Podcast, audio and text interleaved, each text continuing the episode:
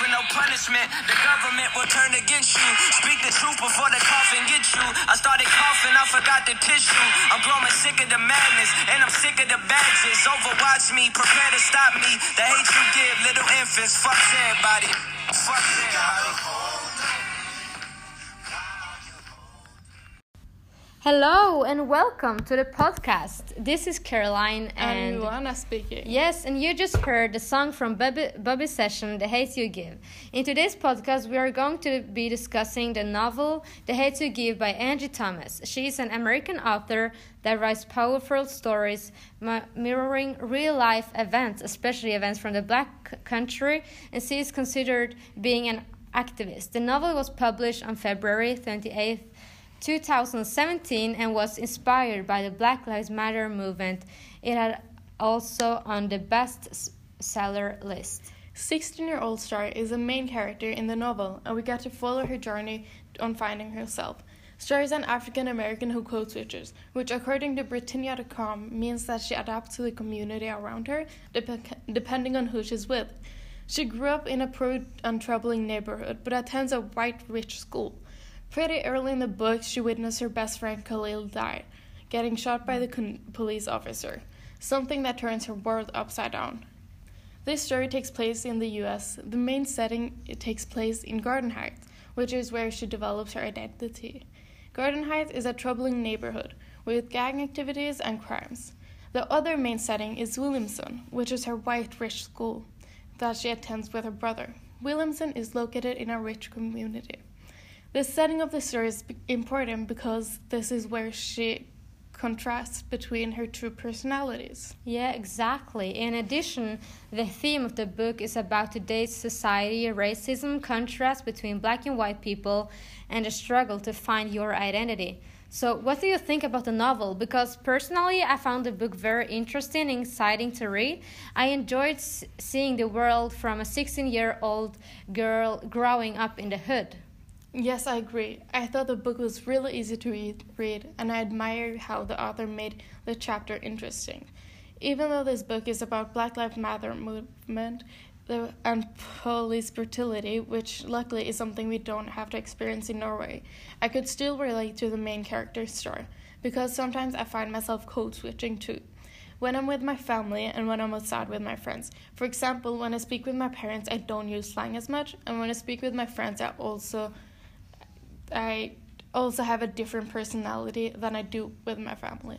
Yeah, you know, I can really relate to what you're saying because I also code switches in my everyday life and Starr code switches because she doesn't want to get uh, recognized as a stereotypical angry girl, bad girl, and she's aware that she code switches uh, which we know because she keeps mention, mentioning William Starr and Garden High Starr. For example, from page 39, where she says, that's what that is when I realized Williamson is one world and Garden High is another, and I have to keep them separated. And on page th- uh, 353, she explains how she has to act in front in front of her white friends, and when she says, "I never know which star to be." I can use some slang, but I'm not too much slang. Some attitude, but not too much attitude. So I'm not a sassy black girl. I have to watch that I'm that I uh, what I say and how I say it, but I can't sound white. Yes, I agree. I think one of the reasons the, this book became so popular among young people is because how relatable this can be. Code switching can be something a lot of teens struggle with, mm. especially nowadays when we have social media and people portray themselves as being perfect, which can also give you the pressure to feel like you have to be perfect too. Yeah, I think I think many many people can relate to this, and I agree as well. In the book, we can see the influence media had on Khalil's case. In chapter 7, Khalil's name appears for the first time in the news, but the reports call him a suspect drug dealer, and it did not mention that he was unarmed during the attack by the officer. In addition, on page 284, Starr says, I don't understand how, how everyone can make it seem like it's okay to that he got killed if he was a drug dealer and a gang member. So I also doesn't understand how the media seems like Khalil should be charged for his own murder. However, let's talk about the topic thug. According to dictionary.com, thug life refers to admire determined and resilient attitude to success in life in spirit of racism and injustice. Before I read the book, I ex- associated thug life with gang members, drug dealers, and the hood. But now, after I've read it, I have a completely different understanding of what it means. Thug was repeated throughout the book multiple times, and I've noticed that Starr got a stronger connection to the word. Yeah. Yes, and I um, I associate the word thug with Tupac, especially because of the tattoo on his stomach. And according to Tupac, the thug means the hate you give little infants F's everybody that is repeated multiplied times in the book. And Khalil has his own view and understanding of the world the word too. As Starr says, Khalil said it's about what society feeds us youth and how it's come back and beats them later. She continues, I think it's about more than the youth though. I think it's about us, period. Black people, minorities, poor people, everybody at the bottom in the society from page 167. Back in the time racism happened directly, the different the differences between black and white people were really noticeable, while nowadays black people have to deal with microaggression. In the book, we get scenarios where Starr has to deal with this. For example, when her friend Haley unfollows her on Tumblr because she reposted about a black kid getting shot by the cops. Another example that I found about this is when Haley comments on how Starr should should act like the basketball wasn't fried chicken during a basketball game. Yes, we like simile, don't we? Yeah, we do. so now let's talk about the language. First of all, I noticed Starr's language. It's informal and she uses slang words like eight, aura, and y'all.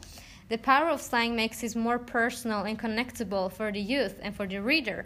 And there's a contrast between the way she speaks at home and at school. At home, uh, with her family, she uses slang words uh, like I mentioned earlier in the paragraph. and at school, she does not use slang at all.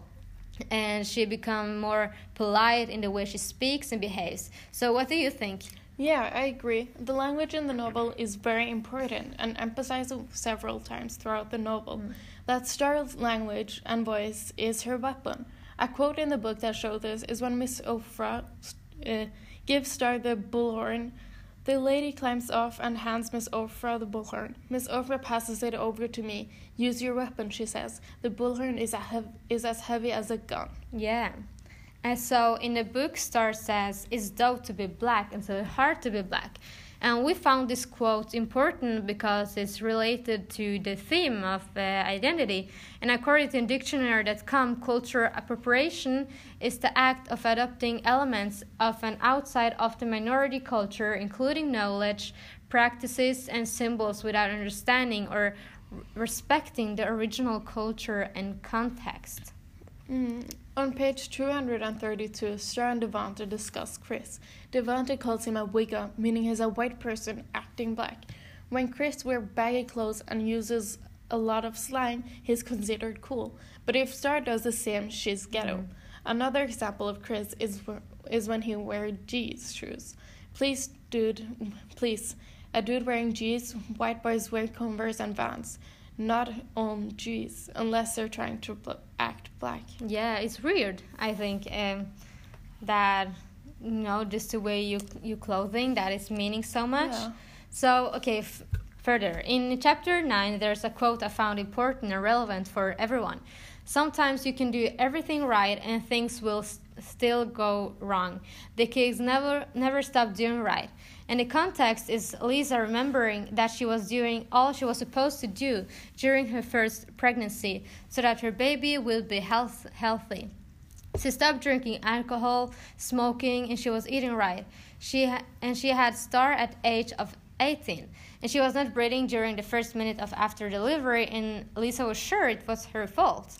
The assigning nurse told that these told her these comforting words. Sometimes you can act you do everything right and things will still go wrong. The key is to never stop doing right. In this situation where Starr blames herself, Lisa shares her experience with the same word. The reason why I think this quote is relevant is because we are humans and we make mistakes. And no one is perfect, so we cannot assume that everyone is doing right all the time. Yeah. Uh, so to conclude, we think this is a really important topic to discuss, and we and we especially recommend this book to teenagers because of the relevant theme and the language used in the book. Yeah, the novel can be hard to read for some people because of the direct exposure of the problem, and it does mm. not sugarcoat the issue. This has led to schools banning it and blaming it on the language used, which can lead to people isolating themselves from the real world and what's actually going on. But it has of also, of course, gotten a lot of positive feedback.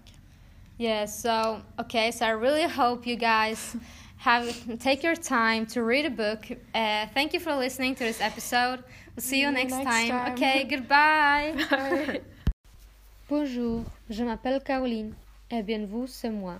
Maintenant, je vais parler du jour normal en isolation quarantaine. Aujourd'hui, c'est lundi, le 11 mai. Il est 11 heures. Et je suis à la maison avec mon père. Mon père travaillait à la maison, ma ma mère et ma grande sœur travaillaient au bureau. Tout est différent. Normalement, je suis à l'école à 7 heures. Aujourd'hui, je vais faire des exercices d'anglais, français et norvégien et participer à un meeting Zoom. J'écoutais avec attention, je prends des notes, je participe une leçon, comme toujours. Hier soir, je me suis couché à 11 heures. Normalement, je me couchais à 11h30. Ce matin, je me suis levé à 7 heures moins le quart. Pendant l'épidémie, je vais faire les grandes matinées. C'est super. Alors, j'ai choisi mes vêtements. Aujourd'hui, je porte un pantalon noir et un pull-over vert. Normalement, je me levais à 6 heures. Mais je me tends et un peu au lit. Et plus normalement je m'habille, maquille, et plus je me peins les cheveux à 6 heures et quart. Normalement, j'en mangeais à 7 heures. Après le petit déjeuner, je me brosse les dents. Mais aujourd'hui, j'en mangeais la, le petit déjeuner à 9 heures. Pour le déjeuner à midi, je vais manger des fruits. À 3 heures, je vais me promener avec mon ami. Normalement, à 7 heures, je prends mon déjeuner et me repose. Alors, je vais faire, mes devoirs. L'après-midi, moi et ma famille, nous dînons à 5 heures. C'est plutôt qu'avant l'épidémie. Ce soir, je vais me traîner à 7h30. Et plus, je vais, je, je vais me coucher à 11 heures. Et plus, je parle rester de ce soir. Et j'écoutais de la musique. Cette samedi, je vais être avec ma amie. Je me réjouis de rigoler avec ma amie. À cette heure, c'était joue son et lent, mais pas toujours. Je n'aime pas être isolé, mais c'est important de prévenir la contamination. Mais nous sommes créatifs. Comme par exemple de très façons de se soleil, de très façons de terre et so- sociale et de très façons de faire du sport. Bonjour, je m'appelle Caroline. Eh bien, vous, c'est moi. Maintenant, je vais parler toujours normal l'initiation quarantaine. Aujourd'hui, c'est lundi le 11 mai. Il est 11 heures et je suis à la maison avec mon père. Mon père travaille à la maison, mais ma mère et ma grande sœur travaillent au bureau. Tout est différent. Normalement, je suis à l'école à 7 heures. Aujourd'hui, je vais faire des exercices d'anglais, français et norvégien et participer à un meeting Zoom. J'écoutais avec attention, je prends des notes, je participe une leçon, comme toujours. Hier soir, je me suis couché à 11 heures. Normalement, je me couche à 11 heures et demie. Ce matin, je me suis levé à 7 heures moins le quart. Pendant l'ép- l'épidémie, je vais faire les grandes matinées. C'est super. Alors j'ai choisi mes vêtements. Aujourd'hui, je porte un pantalon noir et un pullover vert. Normalement, je me levais à 6 heures. Mais je me tente écouter un peu au lit. Et plus normalement je me habille, maquille, et plus je me peins les cheveux à 6 heures et quart. Normalement, j'ai mangé à 7 heures. Après le petit déjeuner, je me brosse les dents. Aujourd'hui, je mangeais à le petit déjeuner à 9 heures. Pour le déjeuner à midi, je vais manger des fruits. À 3 heures, je vais me promener avec mon ami. Normalement, à 7 heures, je prends mon déjeuner et je me repose. Alors, je fais mes devoirs. L'après-midi, moi et ma famille, nous dînons à 5 heures. C'est plutôt couvent l'épidémie. Ce soir, je vais me traîner à 7 heures et demie. Et plus je vais me coucher à 11 heures. Et plus je me pense les rester de ce soir. J'écoutais de la musique. Cette samedi, je vais être avec ma amie. Je me réjouis de rigoler avec ma amie. À cette heure, c'est un jour ennuyeux et long, mais pas toujours. Je n'aime pas être isolée, mais c'est important de prévenir la contamination. Mais nous sommes créatifs comme par exemple de trop façons de se soulager, de trop façons de très social, de trop façons de faire du sport.